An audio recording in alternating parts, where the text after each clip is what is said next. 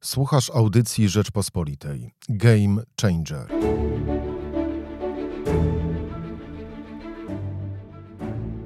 Co dalej z Narodowym Programem Szczepień? Jak go usprawnić i jak poprawić? Jak będzie wyglądała ochrona zdrowia po pandemii i jak powinna wyglądać? O tym i nie tylko o tym będę rozmawiał dzisiaj z europosłem, wiceprzewodniczącym Platformy Obywatelskiej Bartoszem Arłukowiczem. Na program zaprasza Michał Kolanko.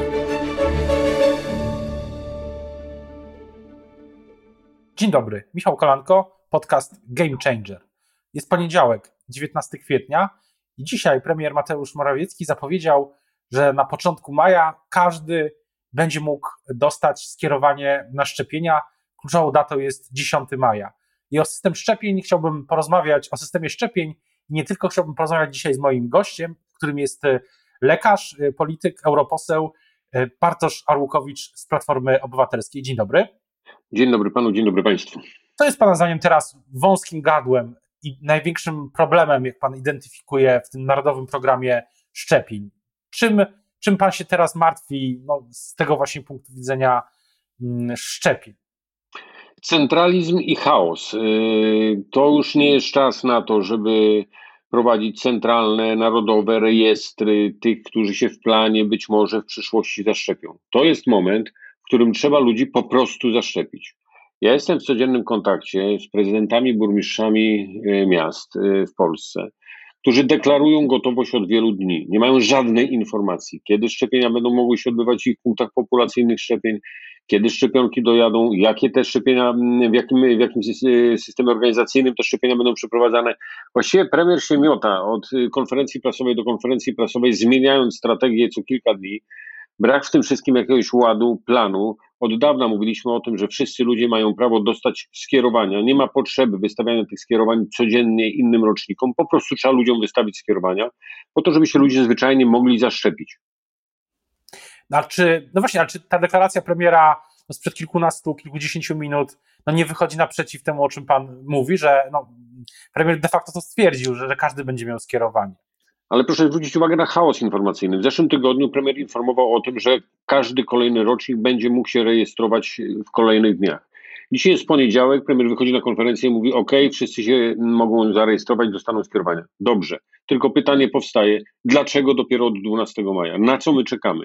Na co czekamy? Ja nie, nie, widzę żadnego powodu, żeby nie otworzyć dzisiaj systemu e, skierowań dla ludzi, po to, żeby się wszyscy, którzy mają ochotę i chęć, mogli zarejestrować, pobrać skierowanie i trzeba otworzyć system szczepień, czyli zabezpieczyć szybką ścieżkę e, szczepień dla tych, którzy e, są grupą, grupą priorytetową, czyli myślę tutaj o seniorach i o ludziach z przewlekłymi chorobami, a potem uruchomić szczepienia dla wszystkich, którzy chcą i raportowanie o zaszczepionych musi się odbywać po zaszczepieniu, a nie przed zaszczepieniem, bo to cały ten bałagan biurokratyczny powoduje to, że ludzie się nie mogą zarejestrować, nie mogą dostać skierowania, nie wiedzą jak, nie potrafią, bo jest bariera biurokratyczna.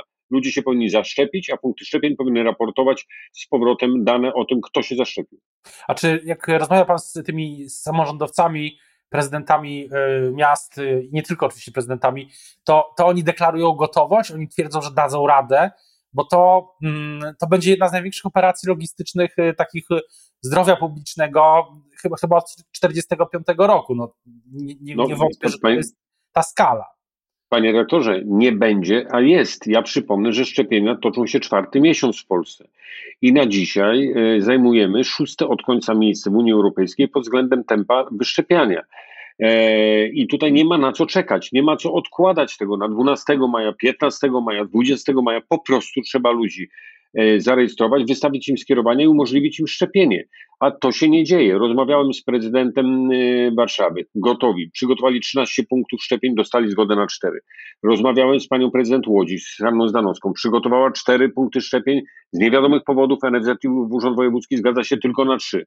Rozmawiałem z prezydentem Gorzowa, gotowy do szczepień. Prezydent Zielonej Góry, gotowy do szczepień. Rozmawiałem z burmistrzem Darłowa, walczy o drugi punkt szczepień w, w tym małym miasteczku i nie może pokonać biurokratycznych barier, bo ktoś z jakiegoś powodu wciąż nie wydaje decyzji. Tu trzeba ludzi szczepić. Ja przypomnę skalę zaszczepienia. Na dzisiaj w Polsce ludzi powyżej 80 roku życia, podkreślam, 80 roku życia podwójną szczepionką zaszczepiono około 38%. ludzi między 70 a 80 rokiem życia.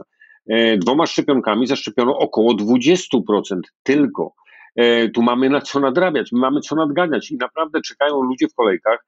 Trzeba zrobić tak, że punkty szczepień powinny mieć wyznaczone godziny bądź dni w których grupy priorytetowe, czyli seniorzy i choroby i ludzie z chorobami przewlekłymi mogą zaszczepić się w tak zwanej szybkiej ścieżce, czyli przychodzą i są po prostu zaszczepieni, a wszyscy pozostali w pozostałych godzinach bądź w pozostałe wyznaczone dni po prostu muszą się zacząć szczepić, niezależnie od tego, czy są rocznikiem 68, 7 czy 9.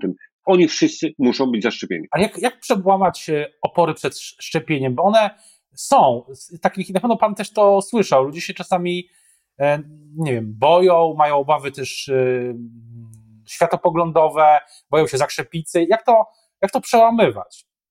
Wie pan, to, to jest tak jak e, trochę jak na wojnie, a trochę na wojnie jesteśmy z tym wirusem. Jeśli jest wojna i na dodatek ten wróg, z którym walczymy, jest niewidoczny i zagraża zewsząd, z każdej strony, i tak naprawdę nikt nie wie do końca w stu procentach, gdzie on na nas czeka i czyha, to ludzie muszą mieć zaufanie do swoich dowódców, do generałów, którzy y, tę wojnę prowadzą. Nie mogą mieć zaufania, skoro decyzje są zmieniane chaotycznie co kilka dni, właściwie bez podstaw merytorycznych, bo mówią o tym naukowcy, że e, nie są konsultowani, że tak naprawdę nie do końca wiadomo, kto te decyzje podejmuje. My nawet nie wiemy, czy te decyzje w sprawie szczepień podejmuje minister zdrowia, czy nie, bo okazuje się, że minister zdrowia prawdopodobnie nie jest zaangażowany, a przynajmniej w stopniu niewystarczającym w sam cały, cały ten projekt szczepień. W związku z tym, kto tym dowodzi? Czy dowodzi tym premier, czy dowodzi tym minister dworczy, czy minister zdrowia, czy być może eksperci, profesorowie? Nikt tego nie wie. To jak ludzie mają ufać? Jak się mają nie bać? Starsi ludzie, którzy um, liczą na to, że państwo zbuduje sprawny system szczepienia, odbijają się od biurokratycznej ściany, e, każe im się zakładać profile zaufane, mąż nie może zarejestrować żony, żona nie może zarejestrować męża. Wie pan, to absurdy. Ale pytanie też właśnie, a co z osobami, jakby pan to, czy, czy jest jakiś, ma pan pomysł na to, jak rozwiązać sprawę osób, czy przepraszam, tak to, rozwiązać te historie osób, które są na przykład obłożnie chore, albo osób niepełnosprawnych, które nie, no nie mogą dostać się do, do punktu szczepień, po prostu. No tu jest potrzebna współpraca z samorządowcami, które unikają jak ognia. Kto lepiej wie, kogo trzeba szybko zaszczepić w małym miasteczku, jak nie burmistrz tego miasteczka w porozumieniu z lekarzami rodzinnymi z tego miasta. Lekarze rodzinni mają listy aktywne swoich pacjentów. Oni doskonale wiedzą, którzy z ich e, grupy czy puli pacjentów, który z tych e, pacjentów ma chorobę nowotworową, kto ma nadciśnienie, kto ma cukrzycę, kto choruje na nerki. Oni doskonale wiedzą, kogo należy zaszczepić szybciej, kogo później. Ten centralistyczny sposób zarządzania paraliżuje cały ten system szczepień, bo proszę spojrzeć. Premier wydaje e, decyzję, że przedsiębiorstwa, w których pracuje więcej niż 500 osób, będą się mogły zaszczepić, czyli swoich pracowników. Sami zorganizują punkt szczepień, podpiszą umowę z, odpowiednim, e, z odpowiednią kadrą i zaszczepią swoich ludzi. No skąd się bierze taka, nie wiem, te, te jakieś takie stare ciągoty w nich pozostają ze starych czasów, że musi być 500 osób zatrudnionych? No to, to zadaję teraz pytanie. Gdzie jest większe zagrożenie? w przedsiębiorstwie, w którym pracuje 500 osób e, rozprzestrzenionych na przykład po całym kraju, bądź jeżdżących swoimi samochodami w postaci na przykład przedstawicieli handlowych po całej Polsce, czy na przykład w przedsiębiorstwie, w którym pracuje 50 osób, na przykład 50 e, osób w jakiejś, nie wiem, pralni albo innym przedsiębiorstwie, skupionych w jednym miejscu, na jednej zmianie, chuchających na siebie wzajemnie, będących w niewielkiej odległości, bo takie są warunki ich pracy. Ale premier narzuca i mówi, 500 osób i więcej. A dla dlaczego nie 50 i więcej? Dlaczego to nie samorząd ma zdecydować, które przedsiębiorstwa w jego regionie powinny być zaszczepione szybciej, a które mogą chwilę poczekać? To wiedzą burmistrzowie, prezydenci e, miast, to wiedzą lekarze rodzinni, tylko trzeba z nimi współpracować. A tu decyzje zapadają w KPRM-ie. Właściwie nie wiem, czy na biurku, przy biurku ministra Dworczyka, czy premiera, nie, nie wiem, chyba nikt w Polsce tego nie wie. Ale co do, samego, samej sytuacji, mówi pan o, o tym, że sytuacja jest e, wojenna, tak jak na wojnie, ale pytanie, co, jak tą wojnę zakończyć? To wcale nie, pytanie, jak, jak pan się, jakby pan rozwiązał kwestię, mm, załóżmy, że ten program no, będzie, będzie trwał i będzie to szczepienie populacyjne czy odporność zbiorowa zostanie osiągnięta no, jakoś w okolicach wakacji. Czy pan by, czy pan by trzymał te obostrzenia do, na przykład do sierpnia? Mówi pan o lockdownie? No, w praktyce tak to możemy nazwać. Znaczy, lockdown jest ostatecznością. My nie mieliśmy już wyjścia, y, dlatego że y, to zamknięcie teraz i te straszliwe wyniki liczby zgonów i liczby zakażeń wynikają z błędnych decyzji wcześniejszych. Decyzją krytyczną, którą e, ten rząd podjął, a właściwie nie podjął, była decyzja z 21 grudnia 2020 roku, kiedy usłyszeliśmy informację, że do Polski, że Polska wysyła samoloty, żeby przywieźć Polaków mieszkających e, w Wielkiej Brytanii, gdzie Boris Johnson alarmował od dwóch tygodni że ma e, na wyspach wirusa, nad którym nie mają kontroli, że system stracił kontrolę nad wirusem, że jest to mutacja nowa, o której niewiele wiedzą, jest bardzo zakaźna. I rząd polski nie podjął decyzji o przetestowaniu przylatujących ludzi, gdzie wzywaliśmy wszyscy, ja także osobiście, od godziny 7 rano apelowałem do ministra 21 grudnia, że trzeba podjąć decyzję, że jeszcze jest czas, żeby przetestować ludzi. Trzeba było rozstawić mobilne punkty testowania na lotnisku i po prostu sprawdzić. Tego nie zrobiono. To zaskutkowało e, wystrzałem e, w górę liczby zakażeń i krytyczną liczbą zgonów, największą w Europie od wielu dni. Ja przypomnę, że od kilkunastu dni jesteśmy na pierwszym miejscu w Europie pod względem liczby bezwzględnych zgonów, niezależnie od liczby mieszkańców w danym kraju. Na trzecim, czwartym miejscu w świecie i ścigamy się z, z, ze Stanami Zjednoczonymi, z Brazylią i z Indiami. E, no to, to chyba trochę nieporównywalne jednak kraje, jeśli chodzi o bezwzględną liczbę zgonów. A taka jest rzeczywistość. Jeżeli jest tak, że Polska jest na 41 miejscu w Unii Europejskiej, w Europie pod względem e, liczby wykonanych testów, to znaczy, że zamykamy peleton, że tam za nami już prawie nikogo nie ma. Zrobiliśmy najmniej testów w Europie. No to czego się mamy spodziewać? No to efektem tego musi być lockdown. To są zaniechania i błędy rządu, które za tym rządem będą ciągnęły się latami. Mało tego, powiem więcej, będzie także ciągnęła się odpowiedzialność prawna, dlatego że artykuł 165 kodeksu karnego mówi wprost, że rządzący są zobowiązani do prowadzenia aktywnej walki z epidemią, a kto tego nie robi, skutkiem tego ludzie umierają, podlega odpowiedzialności karnej. A z czego Pana zdaniem bierze się tak, czy to jest e, jeden, z czego z Pana zdaniem bierze się to e, tak duża liczba tych nadmiarowych e, zmarłych? Dlaczego, czy to jest coś charakterystyczne, to jest wynik też, e, to jest też e, kwestia samego systemu opieki zdrowotnej, tego, że on nie działał przez lata 30 lat, nie wiem, właściwie i ludzie byli po prostu bardziej chorzy i wirus to ujawnił? Nie. E, oczywiście można mówić o tym, że ja w ogóle nie, nie, bardzo źle toleruję stwierdzenia, że system źle działa. To nie system, tylko ludzie. E, nie ma jakiegoś enigmatycznego systemu, tylko system to stanowią ludzie ludzie, którzy tym systemem zarządzają. Dwa lata temu, czy trzy, czy pięć, czy trzydzieści, nikt z nas nie mógł przewidzieć, w tym rządzący także, nie, nie zarzucam im tego, że przyjdzie czas, kiedy wirus w jeden dzień posadzi na ziemi samoloty, zamknie granice, zatrzyma gospodarki i zamknie ludzi w domach. Tego nikt przewidzieć nie mógł. Ale przypomnę lekceważenie w marcu zeszłego roku, zdziwienie zdrowia, po co ludzie w ogóle maseczki noszą, ten cały cyrk z tym Antonowem, z przelatującymi maseczkami, respiratory od handlarza bronią, to, to jakieś błędy sprzed roku, które wcześniej czy później tak zostaną wyjaśnione, odpowiedzialni będą musieli ponieść za to odpowiedzialność e, za swoje decyzje i wydatki. Ale jeśli pojawił się wirus i zaczęło mm, się głośno o tym mówić w świecie, w Europie i w Polsce, to należało podjąć decyzję o wytypowaniu sieci szpitali białych, czyli takich szpitali, które zabezpieczymy w sposób szczególny przed wirusem, w którym za, za, zabezpieczymy miejsca do leczenia ludzi z innymi chorobami. Nie zrobiono tego. Dzisiaj ludzie z rakiem, z nadciśnieniem, z udarami, zawałami wędrują między szpitalami w karetkach, często w karetkach umierają.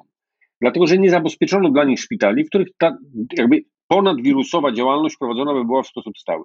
Chaotycznie otwierano oddziały mm, covidowe, w tym także w szpitalach prowadzących wysokospecjalistyczną działalność w danym regionie. Czyli na przykład w szpitalu, w którym jest oddział jedyny w regionie, na przykład nie wiem, chorób metabolicznych dzieci czy onkologii dziecięcej, w tym szpitalu otwierano oddział covidowy. No to zakażały się pielęgniarki, lekarze, ratownicy, w związku z tym zamykano szpital, w związku z tym nie mieli pacjenci dostępu do, do, do, do pomocy lekarskiej i umierali. E, poza tym e, decyzja skutkuje, ta grudnia, o której już mówiłem panu, ta, ta decyzja była kluczowa. Proszę pamiętać, że przyleciało kilkanaście tysięcy ludzi. Przyjmując założenie, że 5-10% ludzi e, spośród populacji przechodzi to zakażenie bezobjawowo, to ludzie przecież nie wiedzieli, że mogą przywozić do Polski wirusa. W związku z tym kilka tysięcy ludzi rozjechało się po całej Polsce w jeden dzień nie będąc mm, świadomym tego, że, że przechodzą bezobjawowe zakażenie i skutki tego obserwujemy. Kiedy Polska podejmowała decyzję o odstąpieniu od testowania, proszę pamiętać, że jestem w Parlamencie Europejskim, co wiąże się z ciągłymi podróżami. To lotnisko, lotniska europejskie były barierami, przez których nie dało się normalnie przejść, bo wszędzie były testy, punkty kontrolne i wszędzie ludzi sprawdzano, a u nas po prostu stało otwarte drzwi. Ale co do co tych e, ludzi i tego przygotowania, to jest taki argument, że po prostu w Polsce jest za mało lekarzy, za mało pielęgniarek. To pan się z tym e, zgadza? Z takim... Ale oczywiście, że jest za mało lekarzy i pielęgniarek to nie jest żadna nowość odkryta przez pandemię. Od dawna tak jest, ale nie naprawi się tego z dnia na dzień. Nie da się tego e, e, poprawić decyzją administracyjną czy slajdem w PowerPoincie. Trzeba operować w warunkach takich, jakie, jakie mamy. W związku z tym, że mamy małą liczbę lekarzy, to trzeba tymi lekarzami bardzo rozsądnie zabezpieczyć system ochrony zdrowia. Czyli na przykład przekierować lekarzy w sposób rozsądny i zaplanowany, rozmawiać z tymi lekarzami, uprzedzić ich wspólnie z Izbą Lekarską, zaplanować te działania. Bo na przykład no, inaczej powinno się postępować z lekarzami 60, plus, inaczej z lekarzami, którzy są dopiero po studiach. Na przykład można było podjąć decyzję o odstąpieniu od egzaminów ustnych dla lekarzy specjalizantów. Nie zrobiono tego. W związku z tym oni siedzieli w domu, uczyli się, bo nie wiedzieli, czy i kiedy będą mieli egzamin, a mogliby pomóc w szpitalu. Zupełnie inaczej to powinno być zaplanowane. Powinno być to zaplanowane tak, że praca i organizacja w szpitalach powinna być zabezpieczona tak, żeby lekarze na przykład między sobą się nie, nie spotykali w teamach czy w zespołach, w których pracują, pracują ze sobą, żeby utrzymywać cały czas staw lekarski, który nie jest zagrożony zakażeniem. Nie podjęto tych e, decyzji. Szpitale same dyrygowały tymi, tymi zasadami. Sami, sami, sami dyrektorzy szpitali ustalali, że ta, ta część e, zespołu medycznego dzisiaj pracuje, tamta siedzi i czeka w domu, aż e, się zamienią, żeby się nie stykali, nie pracowali razem, żeby była ciągłość oddziału. Czy to nie jest dyrektorzy oddziału od tego są? Dyrektorzy oddziału są od tego, żeby zabezpieczyć pacjentów, ordynatorzy, zaś od tego jest minister zdrowia. Co do przyszłości, jeszcze chciałbym zapytać o przyszłość, bo tak jak mówiłem, mówiliśmy, mm, załóżmy, że ten cel zostanie osiągnięty szczepień e, w tym roku i w tym roku też zostaną e, zdjęte obostrzenia prędzej czy później, miejmy nadzieję, że jak najszybciej. No i pytanie jest wtedy, co, co dalej? Jak, e, jak pan widzi przyszłość też ochrony zdrowia w Polsce? Co się z nią stanie? E, e, tutaj niestety nie widzę wśród rządzących takiego myślenia choćby o krok do przodu. Tu się myśli z dnia na dzień. Dzisiaj jest poniedziałek, to co dzisiaj ma powiedzieć premier Morawiecki? No dzisiaj przyszedł powiedział, że 12 maja wszyscy będą zarejestrowani. Ale co to za data? Skąd ona się wzięła? Dlaczego 12 maja? Dlaczego nie już? Nie ma na to odpowiedzi. Poza tym nie słyszę w ogóle w rządzie dyskusji o tym, co będzie z wirusem i szczepieniami po 1 stycznia. Przypomnę, że rząd polski odstąpił od zakupu e, kilkunastu milionów szczepionek od Pfizera i Moderny, zasłaniając się tym, że były dostarczone w trzecim, czwartym kwartale. Więc mam informację dla pana premiera, że ci producenci dostarczają już dokładnie do Europy te szczepionki, które były planowane na dostarczenie w trzecim, czwartym kwartale. To powoduje, że my tych szczepionek, których nie kupiliśmy, po prostu nie dostaniemy. W związku z tym tempo szczepień będzie zwalniało. No i trzeba się zastanowić, co w przyszłym roku. Czy trzeba będzie powtórzyć szczepień?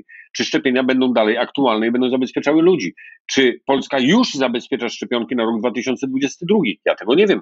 Myślę, że pan też tego nie wie. Mało tego, myślę, że premier tego nie wie, bo o tym nie myśli. W związku z tym musi zacząć myśleć, co się będzie działo po 1 stycznia 2022 roku, bo pandemia nie skończy się z rokiem kalendarzowym, tak jak ktoś sobie w rządzie wymyślił, tylko będzie trwała.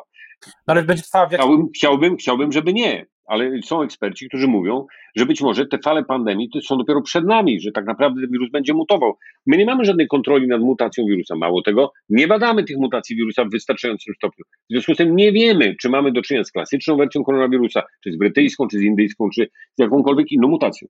No ale właśnie to jest to, że pytanie jest o, o ten a czy, czy myśli pan, że, mm, da, że, że Polska jest gotowa na takie szczepienia w, tym, w ten sposób co, co, roku? Bo ja rozmawiałem niedawno z ministrem Dworczykiem w Rzeczpospolitej w poniedziałek 19 kwietnia jest e, mój i redaktor Karoliny Kowalskiej wywiad z panem ministrem i pan minister Dworczyk no, mówi, że, że w pewnym momencie ten program, tak dalej do zrozumienia, ja go tak zrozumiałem, nie będzie już funkcjonował na tej zasadzie, bo szczepionki będą powszechne i dostępne tak jak szczepionki e, na grypę. Jak rozumiem, wtedy ludzie będą się szczepić no, inaczej. Wie pan, porównywanie przez ministra Dworczyka dostępności szczepionek w porównaniu do dostępności szczepionek na grypę to jest też e, mocno odważne zajęcie, bo przypomnę, że ten rząd nie był w stanie zabezpieczyć e, milionów seniorów e, dokładnie szczepień na grypę. Nie byli w stanie tego zrobić. Zapowiedzieli, że to zrobią i tego nigdy nie zrobili. Szczepionki na grypę nigdy masowo do Polski nie dojechały. E, I seniorzy nie zostali zaszczepieni na grypę, więc porównywanie tych dwóch systemów jest co najmniej ryzykowne w wykonaniu pana ministra Dworczyka. Rząd musi przygotować e, Polaków na długofalową bitwę z wirusem, mutacjami tego wirusa i musi brać na siebie odpowiedzialność zabezpieczenia ludzi także po styczniu 2022. Jestem przekonany, że ten wirus nie minie z dnia na dzień, że niestety, chciałbym się oczywiście mylić, ale niestety myślę, że ta walka będzie trwała jeszcze długie lata.